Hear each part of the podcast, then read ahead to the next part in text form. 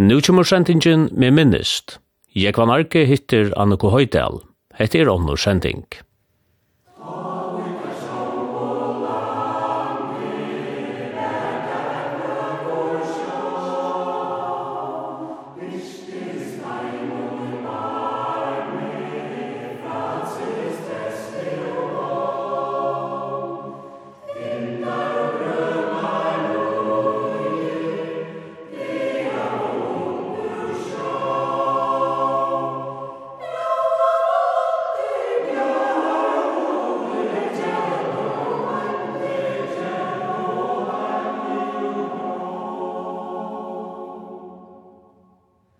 så får vi som lei atter, atter til Rom, kontorer her, papyron, og så alle flygmaskiner, lente her og her og her og her. Minns da vi kom til Miami, ta slørte det horene opp, upp ta kom en hit og mödrande och så får banka et. Og så kom jeg jag til Sør-Amerika, og så blev jag enabat från att vi lödde. Så jag gick runt her.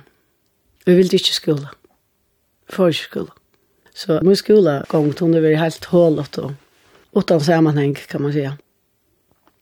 Så här var det ting jag var som hände i min lilla unga lövet här.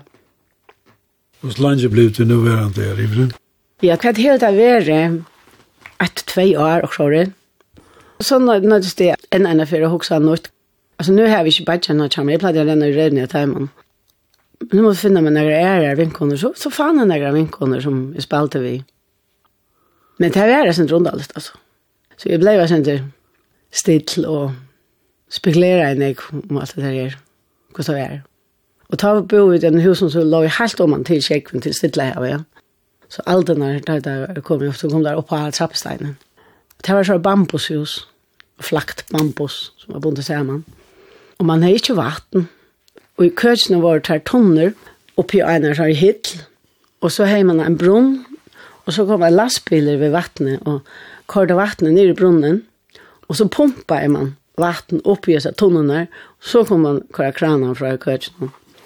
Jeg minns det var råttor, svarta råttor, og kakelakker, og et møvlig kikt. Og jeg minns ene før kom en sånn, jeg vet ikke hva det var for en floa, men det kom, altså, og i millionvis av en prosent av luttelig floa, som kom, det var åpe under horene det kom inn, det var så, altså, en 20 centimeter av, av sånne her svørste floen, og det lukta og så øla stramt. Det kom knapt som en sånn svermer av insekten inn her. Og jeg arbeidet med å være feia. Så jeg skulle feia alle disse insektene ut av det. Alt var fremmed da. Polmar og ja, alt var annerledes. Og anker du så var det revolusjoner. Alltså för det mesta så stod det grippar upp jag tätchen och lejde efter föje och som lejde av omkrastannes. Det är så störst stora fåglar vid Rejon Holse och bärska där det. Det är så jag så fantastiskt hur Och hon har lite så där ut. Men onkel tog så var det där som stod där så var det revolution och så stod det män vid byrsron där uppe stämmer. Så nu är det koppa omkran president och Så kom nytt styre, og så det hendte i heilen. Da, jeg minns en viner, ja, Egil Estabajaman, han var nøyjanar, og han var imot styre nå, og så tog det der han bare kallet han inn i djunglene, så ble han stundjen, ja, og mot jeg vet om, så fikk han malaria, og faen jeg borster og døy. Det var middelen, kort og bare måste jeg først inn, jeg ble stundjen djøkken, nøyjanar er gammel, var han. Men annars, det här tog ju när de inte mer väl vi var här i det tog att jag slapp fra skolan. Jag får inte skolan och jag nokta. Jag, jag lärde blå trask. Jag började med jönkna och forskjellig som, det kan man säga. Alltså tar man steg samman om att råda röj och lönorna, allt det är så skiftande. Så blev det trask och begynte jag att huxa. Hatta vill jag och hatta vill jag inte. Så jag fick, fick en vilja kan man säga. Ganska bursur tog jag. Anna för för det så hjemme til. Ja. Så anna för så var arbete av pappa men just livet. Och så skulle det hjemme det så sälte vi hjemme till vi hade skaffa forskjellige ting, noen møbler som det helt var flotter til var där der var våner indianer var kläder och sånt ting och en enka stolt hade grå ut till disse så så kom det ned en enka grøv, och det var ikke tingene tingen ta en Så vi fikk några små figurer, vi fann ju hjørnet, så helt fra inka togene, Så att alltså hade vi hem. Så der silte vi tatt en kiste hva det ting, og så kom til, skulle ombord av Amerigo vi spurte, det var et italiensk skip som vi skulle segla heim vi. Men jeg var annan kai, ordentlig. Vi stod inne av strandene, vi alle bagasjene, Og så skulle en bad komme etter oss. Først var det ganger, det tvær mann vi pappa min, og det bilgjene, og belegget han opp i en bad. Så tog der mamma henne, hun var spaserdrakt, og ble blegen i baden. Og så kom en og tog meg. og blegen meg opp igjen på den. Så stilte vi ut til en større bad, og så så vi helt der ute i havsbrunnet, her la til skipet som vi skulle sikla til, til Europa vi. Og så tøffa vi ut i en, en sinte større bad, utlese her, Ameriko vi spudje som la bo i etter okkom. Og så nyan etter lønningsen her var en trappa nøyer, helt om alle skjegven. Og så all bagagen opp her, og så sylte vi ut i, jeg hadde vært ut av vike. Og det er helt, det var veldig spennende. Bortsett fra at Kibaren ville alltid mossa meg, det ville de ikke. han var italiener, han skulle, Mwah, cara! Han skulle mossa meg, det er ikke det var så vått. men, men annars så var det godt å være ombord her, og det var stille. Og jeg minns at her, um, Sväler kom ju ombord. Det snuttes sig ombord. Det var ju ombord och sylte alla vi här hem till Europa. Vi ledde in alla möjliga ställen. Vi var ju i Colombia, vi var ju i Imskon, Otsjon, Curaçao och vi var i Lante och Tenerife och alla möjliga ställen var vi. Och ända i Barcelona. Och här minns jag en av min som jag aldrig har sett för. Jag sa en man som körde badnavågn. Jag minns inte säga för en mäver som körde badnavågn. Det kunde man inte. Og da hilde vi, og det kan jo hente okkur verene, ta menn for å køre badnavang i Barcelona. Og så kommer vi etter til Rom, og bagasjen ble sendt vi her til Førjer. Og vi kom etter til det her høvesentret som på at man bare byrja var da. Og fikk tid til blindtarmen og alt det der. Og så var det som, så sluttet vi etter til Førjer. Og sjåman den er det første som hendte det om at vi skola. Jeg kom i 5. klasse, i kommunskolen. Jeg ville ikke til noen mer. Så hendte det sånn til at jeg skulle bli sjuk. Så sprakk blindtarmen mitt en filmlega tøyma. Og jeg fikk ikke lov til å føre ut til det ble sagt. Jenter, vi tykker alltid, sier alltid at det er litt budget nå. Men hei, altså, det er budget. Blindtarmen brast. Og jeg sånn tøyma. Klarer akkurat ut av veien, vant jeg ved kommunskolen. Og så stod jeg her og åkna jeg. Tilfellet vil til at papen min kom gengan vi, Han kom i sykkel, han lagde syklene. Kjenner du hva hva hva Jeg hva hva Så fikk han en taxabil fra auto, så kørte vi nian, og så kom en ambulanse som kom ut av hospitalet. Men ta hver skrein hentur, så hendi alt møvelt inn i sin bursen som jeg. Så la jeg og i manasvis ut av Alexandrines sjukhus her som jeg var født, atter. Altså, jeg minns det som ølter med la her. Så ble jeg sjuk atter, så ble jeg sjuk atter, og så vondt i døy, og så en av nottene. Det er alltid en fytt søvann. Det var Paul Dahl som jeg opererade med. Han var så fyrt med över, helt igjen. En av natten så tre sjukrasistre her och kramar. Så kommer Onner i og sier, «Nå, er det nega som du ønsker där. Så jeg säger ja. Jeg ønsker meg at Paul Dahl kommer og helter meg i håndene til at han er så deilig av hånd. Så ringte det her etter henne, og det kan fjerde om han ikke kom midt av nått. Læs i oi, klæger, kom gengande, jag minns det så han i rumvällen da han kom gengande. Så kom han in och så sette han sig och tok meg i hånden. Så får han förklara mig vad han har gjort inn i bursen till mig. Og han sier, «Ødla seg ærene til å heve til, jeg var seima det så vel. Jeg do så øyla vel av seima, og tog han så være trygg ved at det var alt som opp, at det var sterkere enn alt annet tjater, det var sterkere enn alt annet. Det kan så lyta av. Og jeg vet jo på at det var tog i forvann, altså, kraft at han kom, Sæt her, tog seg tog til det, så lydde atene. Det helt var helt og troligt. Det var fyrt. Og så anker så egna så kom jeg til rett. Og jeg minns, jeg stod jentene som jeg kallet der, jentene jeg stod, det var sånn jeg var. Det kjente meg halset da jeg fyllte, 13 alt jeg fyllte, i en seng på hospitalet. Her dør jentene. Og de hvide senge står, lå en lille, et eller annet, sjuk jenta, og du veist. Men det er mange måter at det var en konsert. Jeg fikk helse fra det. Og så kom jeg til teater for at vi skulle. Men da jeg mistet jeg tog en ene før, en ene før, en ene før skolegång, så jeg var ikke høp jo i sammen. Og at han er femte klasse, så skulle man realskola, så var det realskola. Jeg er frukken Kår og Doffa. det som var lærere her. Frukken Kår, hun ville at man skulle ta seg angst, annars så fikk man en løsning. Hun lærte å kunne brodere. Musikk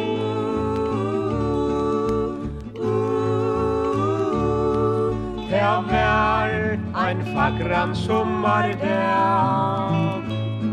At lampa med dig var og glad Av faglen om där fjora lag Og solen skain av pilsevagen Vi pilsevagnen stod ein er Tvei små lam hei hon vi sær Hei vår og svangt hei og nei. Tui arne hei jakstrat hei Hatt vi ein gommel kona stå Hon vær så tjøkk, hon vær så gau. Hon var skippon ella tvei Og hei e alsk til heimas hei Tolv hotdogs kjepte hon vid skund. Og gav så heson heidan hund. Så hona litt om vaklerei ta ui hei aut og pont og leik. Ta hetta malt og li og tvær Ta faul og beilom og er Tui sinn og bor er kryddor stærst. At etta tuli pamtis herst Hei åt och tulipaner tjej Så nu hej hava honka nei Nu hava alt troi fotla lava Tan gaua er og hennar lom.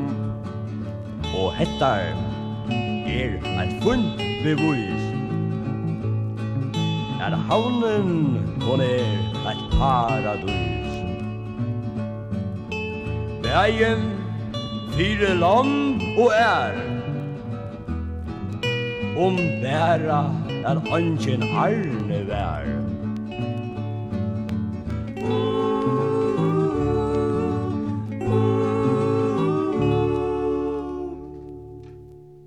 Ja, så var det lukket som inne i det første skolesystemet at det Men her hendte sånn, jeg vet ikke hvor, jeg mer alt, så ble jeg sjuk av en øren, og så ble jeg sjuk av en øren, så kom migrenen der, altså.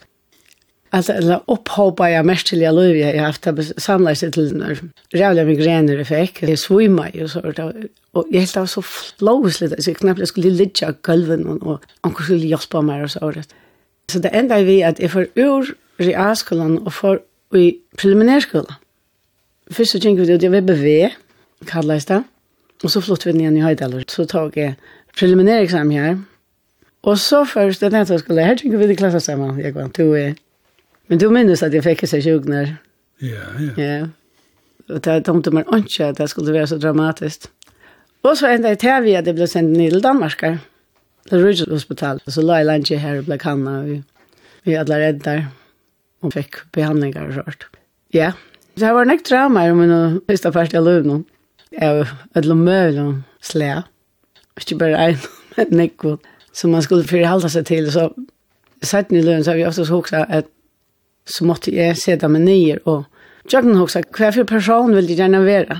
nå där vi är så oråd, nu med rådda, for å sette de mennesker sammen som skal bli til en person, en vaksen person. Så ber jeg på å skriva nye alt mulig. Jeg finner lepar, hoksa i langt ta til, og så Ja, på pushlever eller möjligast ännu sted. Jag kallar att sätta sig samman, sätta sig samman att hvis man är för en sunter, ja, så må man sätta sig samman. Och till ett arbete som man nästan att ta och passa. Eller man kan gå sätta sig ner och och göra, men så så viknar man bara. Så för det lukas som man får höp jag hur detta människa är som är var är som att Annika har ett eller så måste jag sätta mig samman själv.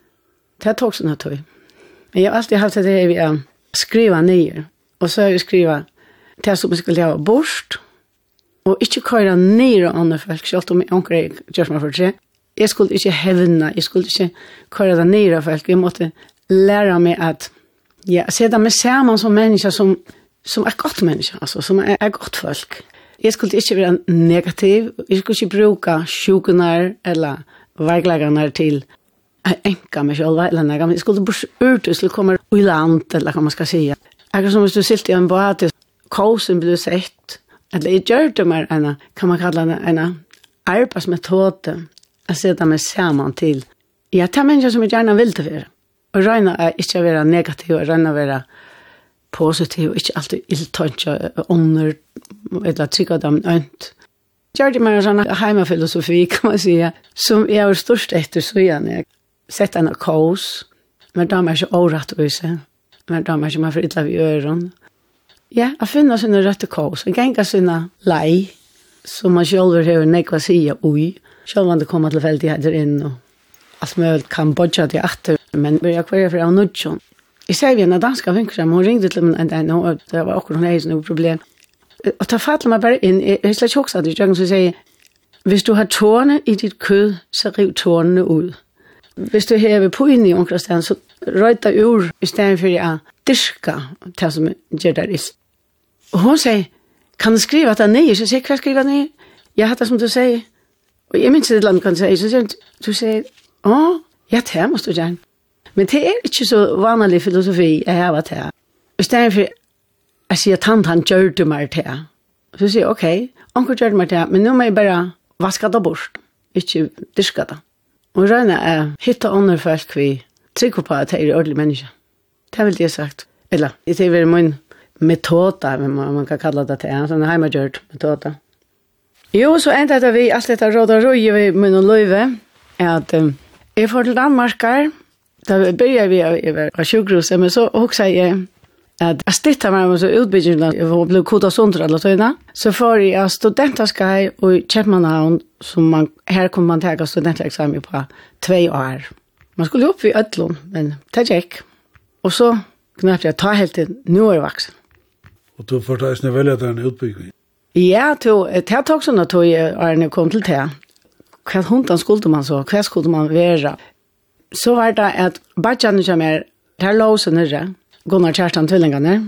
Og der var ferner og i å gjøre kabaretter. Der skriva og imist sanger og imist. Og Gunnar skriva jo nekka sanger. Og så sommerfru, ta boet alt oppi halse. Og så så du til å tvattla og bort hva man kunne skriva og sia og gjøre og sånt. Og jeg ser bare 18 fyrir jo. Hampa jo om, om det klæren der skulle jo i, og sier meg knappar og i forskjellige sort. 18 fyrir. Jeg, jeg skulle slett ikke padl. Men så Einer fyrir så, det var en som sang så guslig fast. Det var så pundligt, og ikke tørte jeg sitte ved en ordentlig. Men så knappt jeg så hala Jon Staskar med i vidt hård, og så sier han det. Så tog ikke Tusen her, nei, aldri nu i verden, jeg er fyrir ikke paddla, sinja nei, tvattla, nei, nei, ikke jeg. Og så nødde jeg meg nok sånn. Jeg røyna morren da ned, så stod jeg sånn, bare morren er bort, flås litt. Og Arne visste jeg, så er han manipulerer meg til å si ja. Så knappt jeg i fem sanger, og så knappt jeg var i paddle, og knappt jeg var i vær av paddle. Så sa jeg, her er godt å være. Her henter dere, jeg vet ikke hva det er, men her er godt å være. Lager som, jeg rakner vi. Så det enda jo er at lømmen kaos. Og den er i behøver jeg atlada. Og så kom Harska Lie bort ur tog, og så får vi vite at jeg er tonleik, og ble vi, og spalte vi seg sammen, gjør det tonleik, og var ute, og ferreist, og til festivaler, og så rett. Og at han var her, så ble jeg selv å gjøre ting, og gjøre lø, og sette ting i verk som ble tonleikker. Det er så skilt i at det her var en padle, det var noe man domte, så enda det vi at jeg Ja, det kom seg av at Nægre føringar hørt skriva en like om støvene mellom Førjar og Danmark, som ble spalt inn av Fjolteatret. Her skulle de bruka en førka jente som kunne synge og doa og kveie og en mann.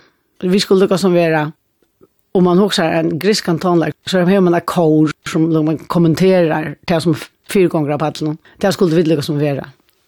Og sjálvande vi Møyner karriere som patienter, så skulle sjuka at du kom på på. Tui, at jeg fyrir vitja Elsa Benjamin, som gikk uh, seminarium i Esbjerg, Egil, og så får vi den sondags biltur. Jeg omkant vi i Jylland før. Så kvar vi om han vitja svigermamma hans vi så Sogjyllandet. Og etter var sånne det, deilig sol, alt var godt. Vi kvar vi en pigletlar sardindås, så vi var stappa i fem folk innan pigletlar, elendian bil. Og hva henter?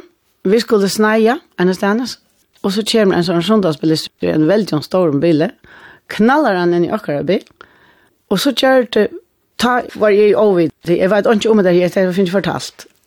Så hentet det at onker tok åkne opp, det skal man ikke, men det gjør det det, og kort åkne til nakna. Og henne blødde jo forskjellig, jeg blødde ikke. Så jeg sa sørst, og jeg sitter og helt om halsen, så kom jeg sørst inn, Og så kom lagten ut og sier, det er noe helt galt med deres søster. Hun taler volapyk. Og så kom jeg helt. Så la jeg ta seg først. Det tog slet angsten, jeg ble. Så la jeg til før, først, altså her i briksene. Så visste jeg, jeg brød nakken. En enn affær, et navn med vimmer. Han stegget jo opp en affær, altså. Og så ble jeg kort til um, sjukkerhuset i Sojulande. Og så la jeg her, og nu ikke viker, og sånn, strekt. Klapp jeg opp, eller nægge. Og i midler tog var det for en holdt den den leidjen i København. Og ta fikk jeg brev når jeg kom. Og ta sa jeg at jeg klarer. Ta greit. Det skal jeg til for jeg er grad i min jobb, men ta greit. Nå er jeg akkurat finnes jeg ferdig en enda, og så skulle jeg klippes det av. Og det enda vi laknar ble så trøtt av meg, tror jeg, jeg sier, vet du, hvor kan jeg ikke ligge i Kjøpmannhavn, så kan folk komme videre meg som kjenner meg, jeg har familie i Kjøpmannhavn. Nå, så endelig så kom jeg at han var seg her meng, meng vikner, liggende i original, til København og Rødhushospitalet. Da jeg endelig ble utskrivet, jeg tror jeg ikke sett det, så får jeg inn at det her Fjolteatret. Så først at jeg var sjanka i. Så etna var hvem er allikevel. Det var sjanka i, og så sier jeg, Kjem du her? Vi har akkurat bruk for det her. Herlig. Så var det Torfinn Hansen og jeg som var sankar i sånne her leisje nå. leisjonen. Så sa du det kvar och kommentera och utifrån som bunchen som vi sa det ja, apatle. Han Mävren som var lejare här, en älskelig mäver, men de till han så väl, och så går vi igen. Han hade Arne Skåhus, tjukker, og han var ikke penere han suttet til, men han var det fitteste av mennesker. Og han er lykket som finner eia for mer. Og så ringte han något eller annet til meg, så sier han, hva gjør du nå? Ja, jeg passer på høyden, det skal du ikke, du skal være sjånlegger. Tattla sier, nei, det. Så sier han, du, du skal føre inn til en audition til en kone som heter Lulu Sealer. Hun var veldig kjent da. Storsjonger. kjent ut tre tunn lang. Sang fantastiska sanger. Hun skal gjøre den leisen som heter Cabaret, han som vi kjenner som film, vi Liza Minnelli.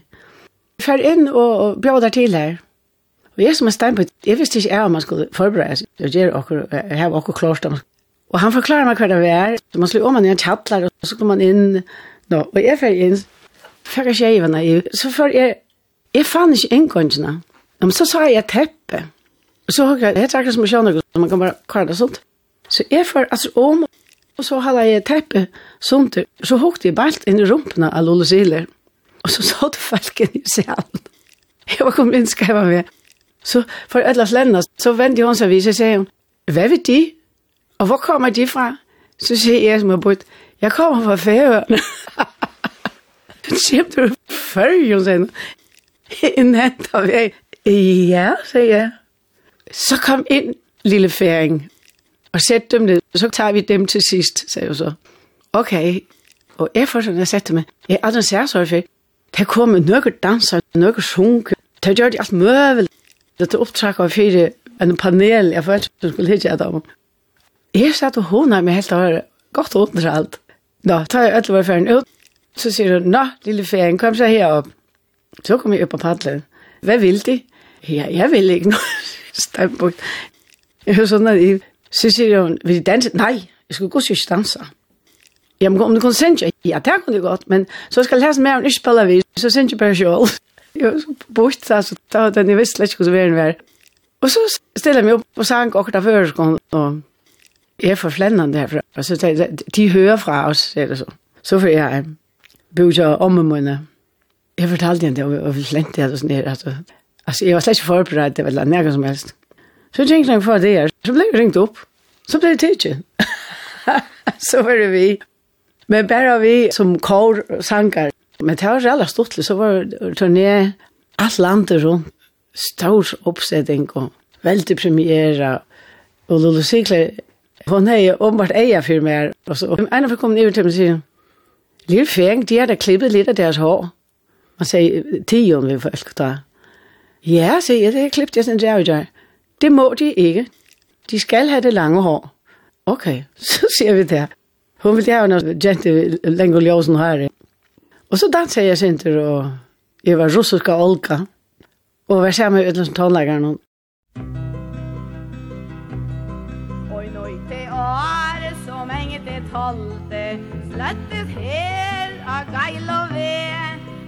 i skrävan svarster holte Lojta i dem og kalla med Såla ljus se gamla dimma Kjell og grav sig kvannar med Sanktor sång och röjser stemma Ar og mar vi samma län Mäka gå mot som til kjelia Edle fär med goppe bor Sjått om nu är ei vill vilja Er i hell för smort smort Såla öse gamla dymma Kjelle kropp för kvannan det Sönder sång og röse snimma Var og mar vi stämma lä med arm og i ångån døvån Mengda fövord i det av Her kom då sagt fra Søvån Ja, han Paulsen og Mågens val.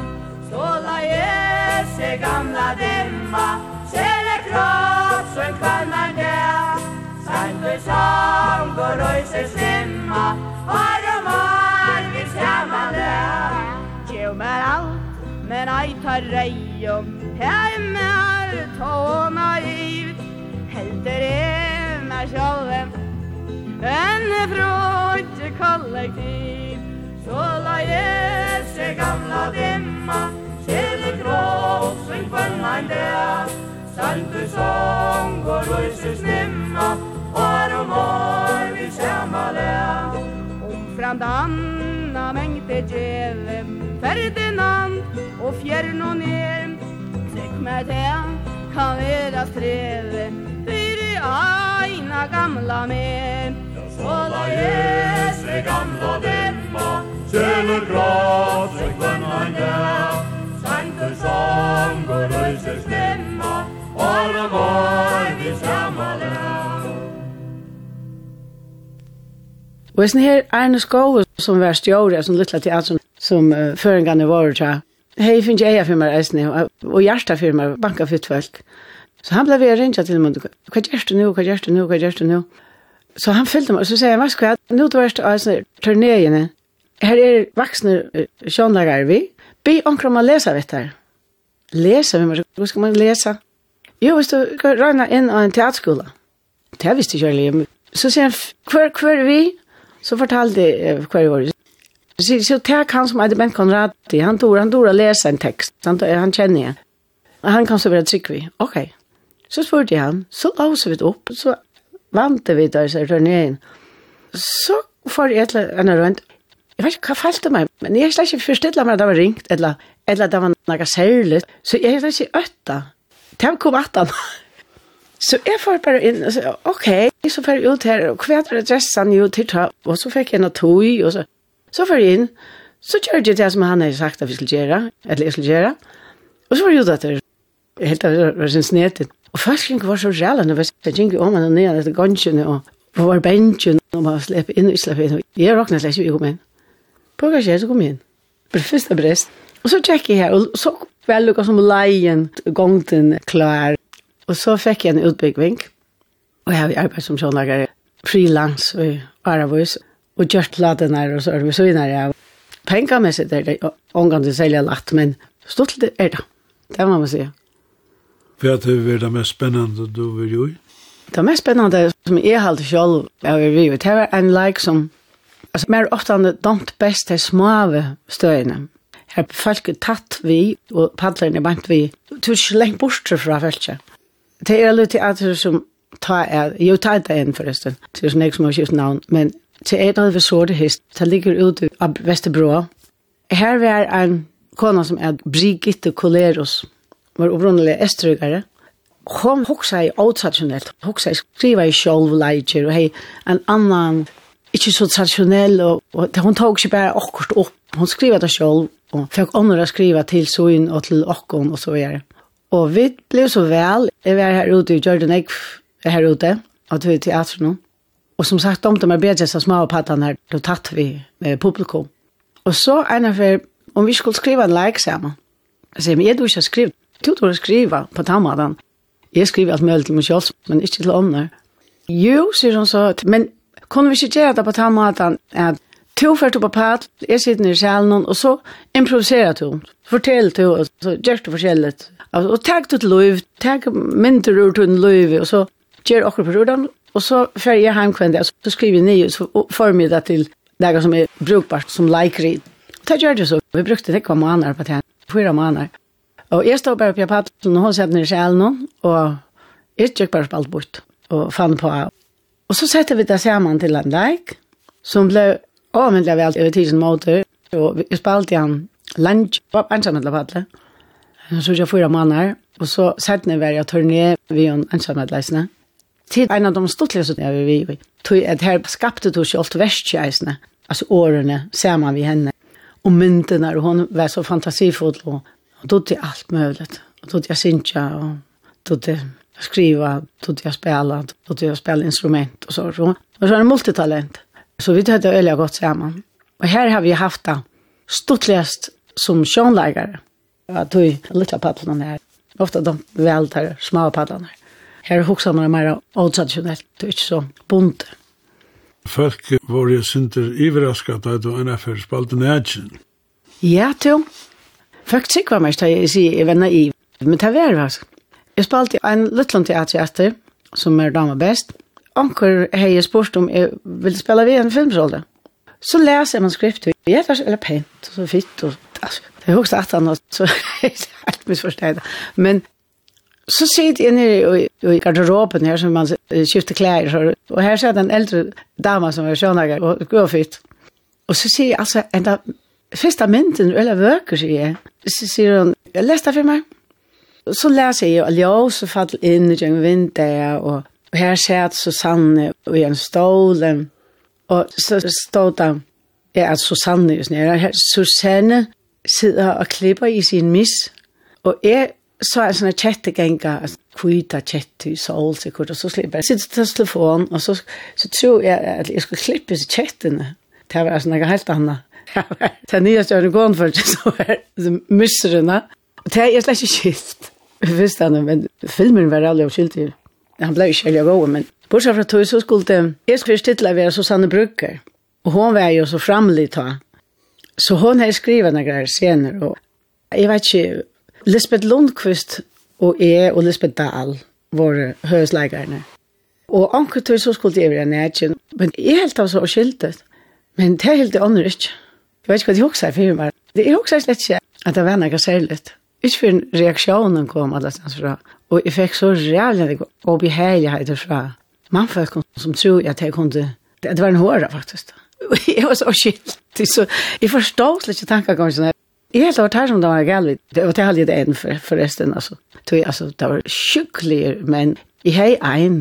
det var virkelig bensjen, som skriver fra Nyborg statsfengsel, at um, nu har han sett en av filmen, og nu er alle kommet videre med i København. Og han har funnet adressen av meg.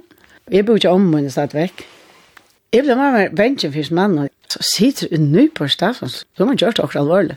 Men så kunne jeg slippe ut om du tar det narska, så jeg skulle slippe fryr ut i den store heimen. Jeg ble med meg bensjen, da er det narska, så ringte jeg til politiet. Nei, takk om det, så sier jeg, jeg kan ikke lene en hund. Alltså hur så fort och fort kan man vara. Så jag också för jag har en stor hund så jag man Nej, jag kunde inte lägga lämna några hund. Då och tog jag och så ringte jag åter. Så fick en så en fytta man i telefonen. Sen har jag fortell mig hur jag just mer den och sökte det för mig. Jag har inte lovat att göra här, men jag ser jag gör det lugga väl. Det är höjre att där tur bänken. Så ringte han åter så han, Vad ska jag? Du ska inte vara hemma. Du ska inte hitta den mannen överhuvud. Han är inte en fytta med på en några maten.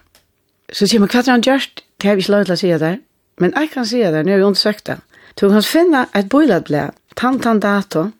Ikke skrive sitt egna navn og adressene. Og så sier jeg, men jeg bygger ikke om meg, så bruker jeg henne navn, sier han. Skriva og be om til nummeret av blanen, så får du ta sendt han, så kan du lese om han. Nå, tog en jack, og jeg får utlandet vinkående bo i her, og jeg var så pepparet at han var.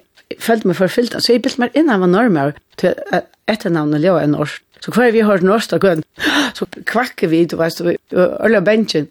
Og jeg følte alle henne onker hukte og leita i etter meg så rett. Så endelig så kommer dette bøylablei. Så vise det seg. Menneskene bøtten er snedig. Han var kom gengande ut i en novilla ved omkrastans 8 København. Her kommer en pen jenta gengar nåten. Han teker henne, haler henne ut av en bø, voldteker henne, dreper henne, grever henne nye. Og det som jeg helt var mest av honaldet, så var han hjem. Så var han ut etter, Grever han opp etter, valgte og løyde henne fra tredje. Altså her, når jeg reiste seg av høttene, jeg var sier, hva er hundan i hette for meg over Og, og etter jeg bøyla bleie, det var vist en å søve, her han blitt gifter, vi en kone i Esbjerg, en rejepiller skal fra Esbjerg, der står der, som nek var som kone, som halda det sint og noen som sitter inne, så er hun dyrka han, og jeg skriver sammen ved henne, hvordan det ender vi henne, og aner jeg ikke om, men jeg har bare, altså, hva er det for mennesker som er til i verden, ja?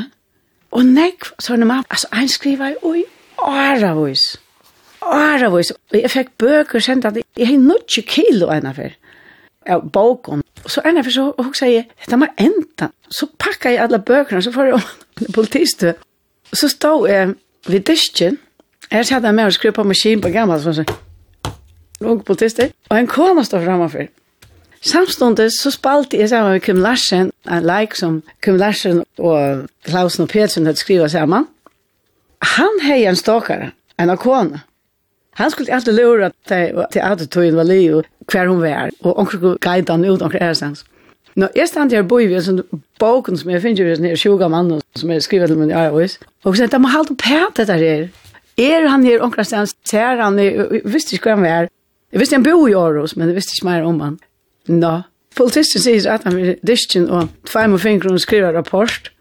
Nå, en da kom hun stand framfor meg, så ratter hun seg fram om disken og knallar hun en løsing. Politisten reg, vi er sånn rullstall ut mot veggen Och jag också vad händer här? Jag stannar under politistet. Jeg skal melda näka og nu er det en kona som løper av politisten. Og det ble øyelig öle Robert Jalen og onkel kom ut og tog henne. Nå var det så tillfälligt veldig at dette var stalkaren til Kim Larsen som ville kle om at hun ikke slapp fram at Kim Larsen. Vi er med pura viven. En kona blev antidig. Tog hon ville søtja Kim Larsen, hon slapp ikke. Og tog måtte hon slå en politist. Og jeg kom vid ned här baken. Vi er noen inte en. Nå, så kom en fitte politist og sier, kom inn ved meg, og så, så sier jeg, kunne ikke tega av bøkene. Nei, det kunne det ikke. Men fortell meg, så fortalte jeg om det. Så sier han, altså, hei, jeg vil til, så har jeg sendt der, ta jeg finner brev. Han skriver etter noe, annet, helt merkverd. Vi tar, de hadde skje i lov sammen, for enn etta. Ena för bo vi ute i døym, og Han sendte meg sånn bond for fåglar i fyrjon, så. hans hesa så fåglarna vi torsk, ta vi ta vi synar till melältne bo ute i døym, og samma vi bei, han og jeg. jag. det var vi som gjorde mötte sig på bounty. Det gjorde vi isen. Og vi hadde klarat oss så väl helt han. Og nu var han Jesont han annar. Nu var han kom ner uh, händan heim, så nu gikk han fru. Altså, här har inte hört ju alltså.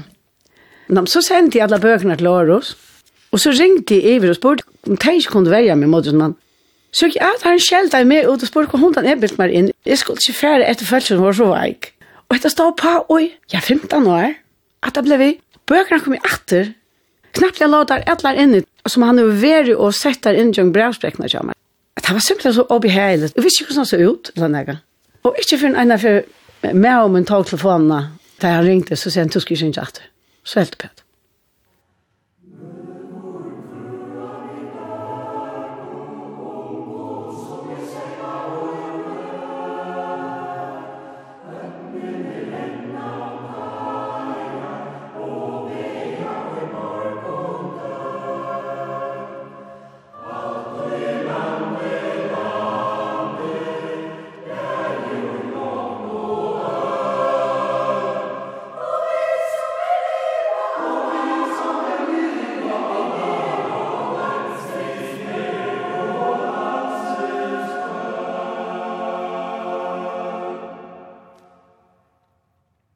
Hatta var med minnist. Jeg var narki hitte Anniko Høydal. Onnur sending.